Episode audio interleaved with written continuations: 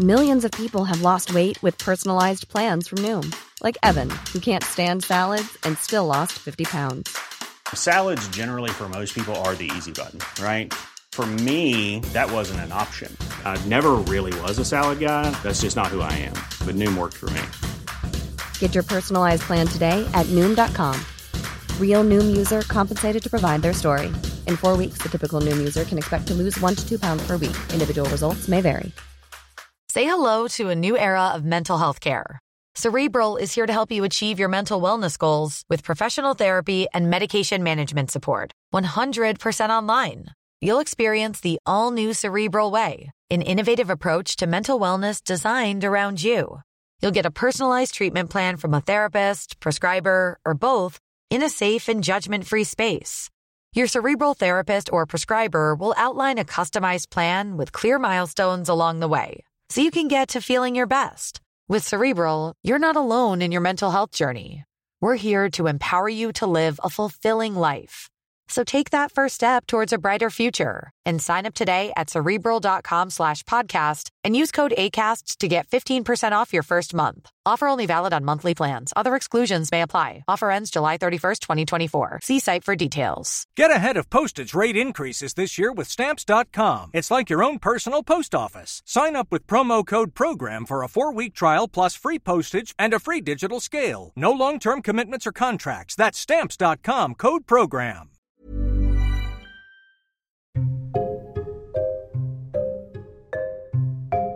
أقول لك يا صاحبي إيه يا عم مالك؟ في إيه؟ صوتك عامل كده ليه؟ لا أصل لسه جاي من الجيم بس. لسه جاي من الجيم؟ طب وأنت بتمرن في الجيم ولا صوتك هو اللي بيتمرن في الجيم؟ أصل لما بتعب بمرن الأحمال الصوتية. آه حاجة تتمرن وخلاص. حاجة تتمرن وخلاص؟ المهم كنت عايز إيه؟ لا ابدا. كنت عايز آخد رأيك بس كده في حاجة. مش عارف مالي كده بقالي فترة. قال لي كلمة تضايقني وقال لي نظرة أو طريقة كلام. مبقاش مستحملها. مش عارف دي انطباعات شخصيتي كده أصلا ولا إيه؟ طب واحدة واحدة مالك فيه؟ طب واحدة واحدة. لا أنا خايف يا عم. الوضع بقى مقلق. ولو مسكت حد فيهم هقراشه طب واحدة واحدة بس اهدى كده ومحلولة إن شاء الله. بس عايز أسألك كام سؤال كده الأول. اتفضل يا صديقي. في شوية علامات كده قول لي هم موجودين فيك ولا مش موجودين. لو موجودين يبقى هنعمل بقى حلقة بودكاست مخصوص علشان خاطر سيادتك. حلقة علشان أنا مخصوص؟ ياه تسلم يا صديقي. الله يسلمك يا عم. قول لي زائد إن أنت كل صغيرة وكبيرة بتبقى مركز معاها وأقل حاجة بتأثر فيك. هل ما بقتش تستحمل نقد؟ يعني مش بتستحمل أي نقد خالص. مش عايز حد ينتقدك في أي حاجة والتفكير عندك شغال طول الوقت. يعني ما بتبطلش تفكير. آه صديقي ده أنت كأنك بتوصفني بالظبط. بس بس بس خلاص. يلا بينا بقى نسمع مع بعض حلقة البودكاست واللي هتكون عن الشخصية الحساسة.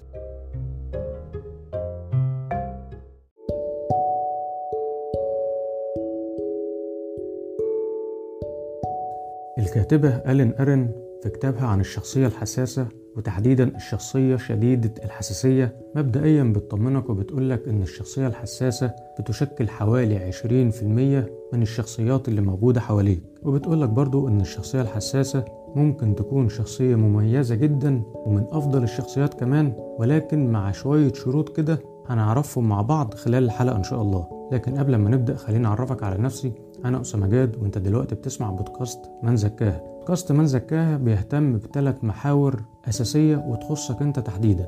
تحديدا يعني تخص الذات. هنتكلم عن الذات تقريبا في كل حلقات البودكاست. الثلاث محاور هما بداية الوعي بالذات ثم تطوير الذات والمحور الثالث تسويق الذات. ليه الثلاث محاور وكل محور عبارة عن إيه؟ سريعا كده الوعي بالذات لازم تفهم نفسك الأول قبل ما تبدأ تعمل أي حاجة معاها. لازم تفهمها تعرف تفاصيلها تعرف مميزاتها تعرف التحديات اللي هتقابلها ولما تفهمها هتحتاج تطور منها. تطور من نقاط القوة عندك وتشوف هتتعامل إزاي. لو في نقاط ضعف هتتعامل إزاي مع نفسك وهتتعامل إزاي مع الآخرين. طب خلاص أنت فهمتها. رقم واحد اتنين طورتها. رقم تلاتة أنت مش عايش لوحدك ومش بتعمل كل ده علشان نفسك أنت وخلاص أو علشان أنت بس اللي تكون عارف. لا لازم اللي حواليك يعرفوا ولازم اللي حواليك يبدأوا يشوفوا التأثير ده عليهم. وده بقى أهمية المحور الثالث وهو تسويق الذات واللي بيطلق عليه البعض ال personal branding إن إزاي تكون brand وإزاي تسوق لنفسك بالشكل الصحي المطلوب. لأن كل ما هتعرف الآخرين بمهاراتك وبالتطور اللي بتعمله في شخصيتك كل ما ده هينعكس عليك وعليهم بالإيجاب إن شاء الله. يلا بقى نرجع لموضوع حلقتنا النهاردة وهو الشخصية الحساسة. الشخصية الحساسة فيه شوية صفات كده ممكن يكون كلهم موجودين في الشخص أو جزء منهم علشان تفهم إذا كنت فعلا من الشخصية الحساسة فتعمل معاها إيه وتتصرف إزاي ولو حتى ما كنتش أنت من الشخصيات الحساسة فغالبا هتلاقي حد جنبك أو حد من أهلك أو معارفك من الشخصيات دي. فتعرف برضه تتعامل معاها إزاي وممكن تدل هو كمان يتعامل مع نفسه مع الآخرين إزاي. الشخصية الحساسة زي ما قلنا هي أقل حاجة بتأثر فيها جدا. حاجة كده نفس فكرة البشرة الحساسة مثلا. الحاجات اللي هي بتتحط على بشرة تانية مش حساسة ما بتتأثرش بيها لكن البشرة الحساسة بتتأثر بحاجات غيرها ما بيتأثرش بيها أو لو حتى بيتأثر بيها هي بتتأثر بدرجة أكبر من غيرها. فهي شخصية بتتأثر بأي حاجة بدرجة أكبر من غيرها بشكل ملحوظ. كمان مش بتستحمل النقد غالبا مش بتحب حد ينتقدها. تقول لي ما أغلبنا أو كلنا ما بنحبش حد ينتقده. آه لكن هي الموضوع عندها بزيادة. يعني ممكن مجرد انتقاد بسيط أو رأي بسيط من غيرها يعمل لها مشكلة كبيرة جدا. وتصرفها بقى مع موضوع النقد ده بيبقى غالبا بحاجتين. يا إما بتسكت خالص وبتضغط نفسها يا إما بتنفجر وبتقول كلام شديد وصعب ما كانش ينفع إنها تقوله. وده ممكن يكون جاي من إن هي سكتت قبل كده وضغطت نفسها. كمان الشخصية دي صعب جدا تاخد قرار سريع. وده بسبب نقطتين موجودين برضه عند الشخصية دي. إنها بتهتم جدا بالتفاصيل التفاصيل الصغيرة والكبيرة ما بتعديش من تحت إيديها بتشوف حاجات غيرها ما بيشوفهاش. بتقدر تلاحظ حاجات غيرها ما بيقدرش يلاحظها. والحاجة التانية إنها دائمة التفكير. دايما بتفكر باستمرار. فكرها تقريبا مش بيقف.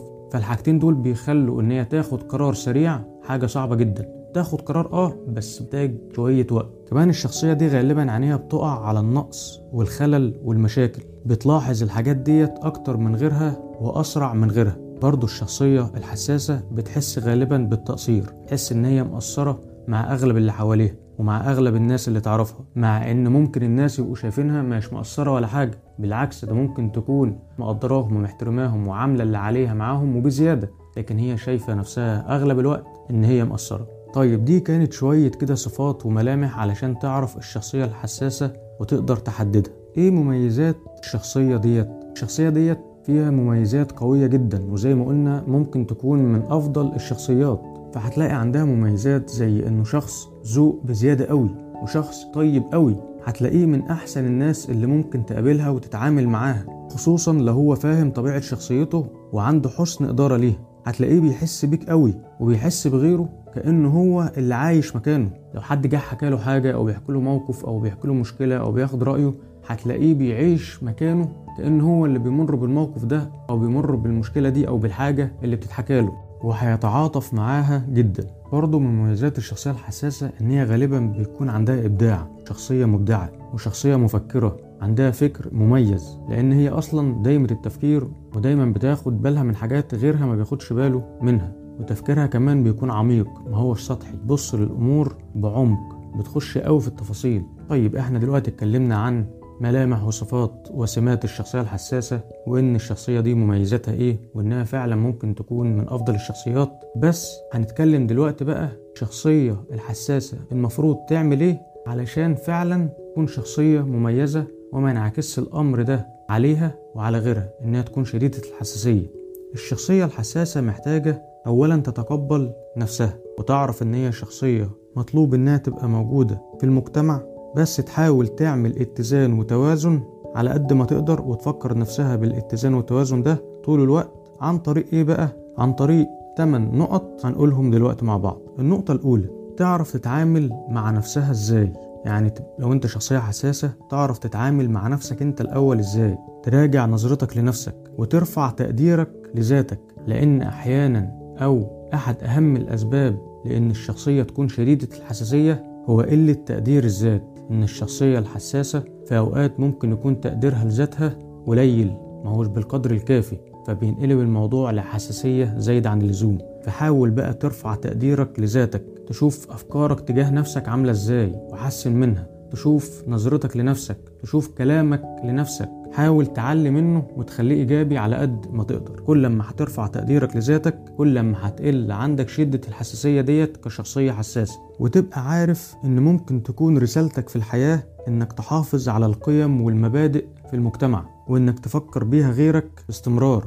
لأن أنت اللي هتكون نموذج بالنسبة لهم في الحتة دي. فممكن دي تكون رسالتك في الحياة أو مهمة من ضمن مهماتك في الحياة. رقم اتنين بما إن إن أنت شخصية حساسة جدا أو شديدة الحساسية حاول تحط كل شخص حواليك في مكانه الصح وحاول تعمل حدود. يعني تعرف غيرك. والله أنا الحاجة ديت ما بحبهاش تحصل. وتقول له كده أنا حريص على علاقتنا ببعض وحريص إن هي تكون في أفضل شكل. زي ما أنا بتجنب أي حاجة تضايقك أنت برضو يا ريت تتجنب الحاجات اللي ممكن تضايقني. واللي بيضايقني هو واحد اتنين تلاتة. ولو هو بقى فعلا حريص على علاقته بيك هتلاقيه بيحترم الحدود ديت حتى لو هياخد وقت شوية لكن في الآخر هيحترمها وهيحافظ عليك وهيحافظ على علاقته بيك خصوصا لو حد بيعزك. ودي هتبقى فرصة إنك تفلتر بيها الناس اللي حواليك اللي فعلا ممكن تكمل في علاقتك بيهم أو ما ينفعش. وهنيجي بقى للنقطة رقم ثلاثة وهي متعلقة بيها وهي إنك أول ما تتأكد من أي شخص حواليك إن هو مؤذي فعلا تجنبه واعتزله. وما تدلوش نفس الاهتمام بقى ونفس درجة العلاقة اللي انت كنت مديها له قبل كده. رقم أربعة اشتغل على نفسك وعلى شخصيتك بحيث تقلل درجة الحساسية للحد المقبول الحد اللي يكون فعلا ميزة عندك وما يزيدش بقى عن حده علشان زي ما إحنا عارفين أي شيء لما بيزيد عن حده بينقلب لضده بالبلدي كده. فده هتعمله إزاي؟ هتحاول طول الوقت تفرمل التفكير الزايد والتركيز مع التفاصيل الزايدة عن اللزوم. يعني كل لما تلاقي نفسك هتشطح كده شوية بالتفكير تلاقي الموضوع هيبقى زايد معاك عن اللزوم لا فرمل وقف نفسك اصرف تفكيرك شوف حاجة تانية واعتبره بقى إن ده تمرين ليك. ومع الوقت هتتطور فيه وهتبقى أحسن. لو في الأول الموضوع صعب افتكر قانون التدرج وافتكر إن في حاجات كتير بتحتاج وقت علشان توصل لها بالشكل المطلوب لحد ما توصل للتوازن إن شاء الله. رقم خمسة حاول تقلل من الاعتذار والأسف الكتير لأن أنت كشخصية حساسة هتلاقي نفسك طول الوقت عمال تعتذر للناس وتتأسف للناس على كل صغيرة وكبيرة. ممكن تبقى عملت حاجة بسيطة وغيرك أصلا معديها لكن هتلاقي نفسك بتعتذر له وبتتأسف له وهتلاقي الموضوع ده بيتكرر كتير منك. فتكرار الاعتذار والأسف بشكل زايد عن اللزوم وخصوصا بقى لو كنت فعلا مش غلطان الغلط المستاهل ده فهيحسسك مع الوقت بالدونية والتضاؤل. وده بدوره برضه هينعكس بإن الحساسية هتزيد أكتر من الأول فهي هتخش في دايرة مفرغة ما بتخلص فلما تلاقي نفسك مش غلطان أو الغلط ما كانش مستاهل قوي الاعتذار والأسف يعني كانت حاجة عادية مثلا بتهزر أنت وصاحبك وهو أصلا متقبل ده بالطريقة اللي ما فيهاش إساءة أدب يبقى خلاص طالما ما فيش إساءة أدب أو الموضوع خرج عن دايرة الاحترام يبقى تحاول إن مش كل حاجة تعتذر وتتأسف عليها. رقم ستة إنك تفكر نفسك بقى باستمرار إن مش كل حاجة لازم يكون ليها تفسير عندك أو على الأقل تفسير منطقي أو سبب مقصود. تقول لنفسك عادي وتفكر نفسك إن عادي حاجات كتير ممكن تحصل حوالينا من أي حد إنها مش لازم تكون بقصد أو تعمد أو لازم تكون ليها داعي أو سبب قوي أو ليها أساس منطقي. لأ افهم وتقبل إن في حاجات كتير ممكن تحصل حواليك تكون حاصلة أصلا من غير ما اللي عملها كان يقصد أو كان عنده السبب القوي أو الدافع القوي إن هو يعملها. أو كان عنده المنطق والحجة في إن هو يعملها. لا هتلاقي كتير حواليك بيعمل حاجات يا إما مش قصدها يا إما مش واخد باله منها يا إما ما كانش عنده السبب والدافع القوي يعني عشان يعملها أو مش لازم يكون لها تفسير قوي يعني ومنطقي. فحاول تتفهم ده وتتقبل ده. رقم سبعة إنك حاول تذكر الله على قد ما تقدر. ذكر الله خليه على لسانك على قد ما تقدر. وخصوصا في المواقف اللي هي بتسبب لك حساسية زايدة عن اللزوم. الذكر إن شاء الله هيهديك وهيخليك متقبل أكتر للي بيحصل حواليك وهتعرف تدير شخصيتك بشكل أفضل. لأن ألا بذكر الله تطمئن القلوب. ربنا يرزقنا جميعا الاطمئنان والأمن والأمان. ومن الأذكار الكويسة اللي تنفع مع المواقف دي طبعا كل الذكر مميز وكويس جدا. لكن على الأقل ذكر لا إله إلا الله ولا حول ولا قوة إلا بالله. والصلاة على النبي. ثلاث أذكار دول حاول تفتكرهم حاول تقولهم باستمرار. النقطة رقم 8 وهي إنك تاخد من وقت للتاني فاصل تقعد فيه مع نفسك تهدي فيه أفكارك. حاول ما تفكرش أصلا في الوقت ده وفي الفاصل ده. الفاصل ده حتى ولو دقايق لو عشر دقايق أو تلت ساعة أو نص ساعة المهم يبقى فيه فاصل عندك بشكل دوري مستمر من وقت للتاني بتعمله علشان توقف فيه التفكير الزايد عن اللزوم والاهتمام بكل تفصيلة بتحصل حواليك. الوقت ده ممكن تعتبره بقى تأمل ممكن تاخده إنك بتذكر ربنا فيه ممكن قاعد ساكت كده ما بتعملش أي حاجة فيه. المهم توقف فيه التفكير الزايد والاهتمام الزايد بالتفاصيل بحيث تقدر تشحن وتكمل تاني إن شاء الله. طبعا قبل ما نختم أحب أشكر كل اللي بيقيمنا تقييم إيجابي على أبل بودكاست وعلى سبوتيفاي سواء اللي بيسمعنا من هنا أو من هنا متاح عندك التقييم. فطبعا يسعدنا ويشرفنا إن أنت تقيمنا تقييم إيجابي. وأكون شاكر ليك جدا لو كتبت review كويس ومميز لبودكاست من زكاها. وعايزين نخلي فيه تفاعل ما بيننا بشكل مباشر. إحنا بفضل الله بقينا أصحاب أكتر من 40 حلقة لحد دلوقتي وربنا يقوينا ويوفقنا إن شاء الله. ونعمل حلقات تانية كتير جاية بإذن الله. بناء برضه على اختياراتكم والمواضيع اللي أنتوا بتحبوها وحابين نناقشها ونتكلم فيها مع بعض. فبما إن إن إحنا بقينا أصحاب كده خلينا نتفاعل مع بعض. على صفحة الفيسبوك وعلى group الفيسبوك وبرضه هتلاقوا link قناة اليوتيوب موجودة. نتقابل هناك ونناقش مع بعض كل اللي حابين نتكلم فيه إن شاء الله. حاجة أخيرة بيبقى موجود مع الحلقة على منصة سبوتيفاي زي أسئلة كده تفاعلية. بكون سعيد جدا بالناس اللي بتشارك في الأسئلة ديت لأنها بتخلينا نعرف هل إحنا ماشيين بالطريقة اللي أنتوا حابينها ولا في حاجة محتاجين نطور منها أكتر. فهنتظر برضه آرائكم عليها إن شاء الله. وانتظرونا إن شاء الله في الحلقات اللي جاية وهنتكلم فيها عن مواضيع مميزة برضه ليكوا هنتكلم فيها عن تفاصيل التحدي اللي إحنا هنعمله مع بعض إن شاء الله واللي هيفرق معاكم ومعانا كلنا جدا بإذن الله. إلى هنا يا صديقي العزيز انتهت حلقة النهاردة. أحب أشكرك على اهتمامك بنفسك واهتمامك بتطوير ذاتك والآخرين. شكرا صديقي العزيز.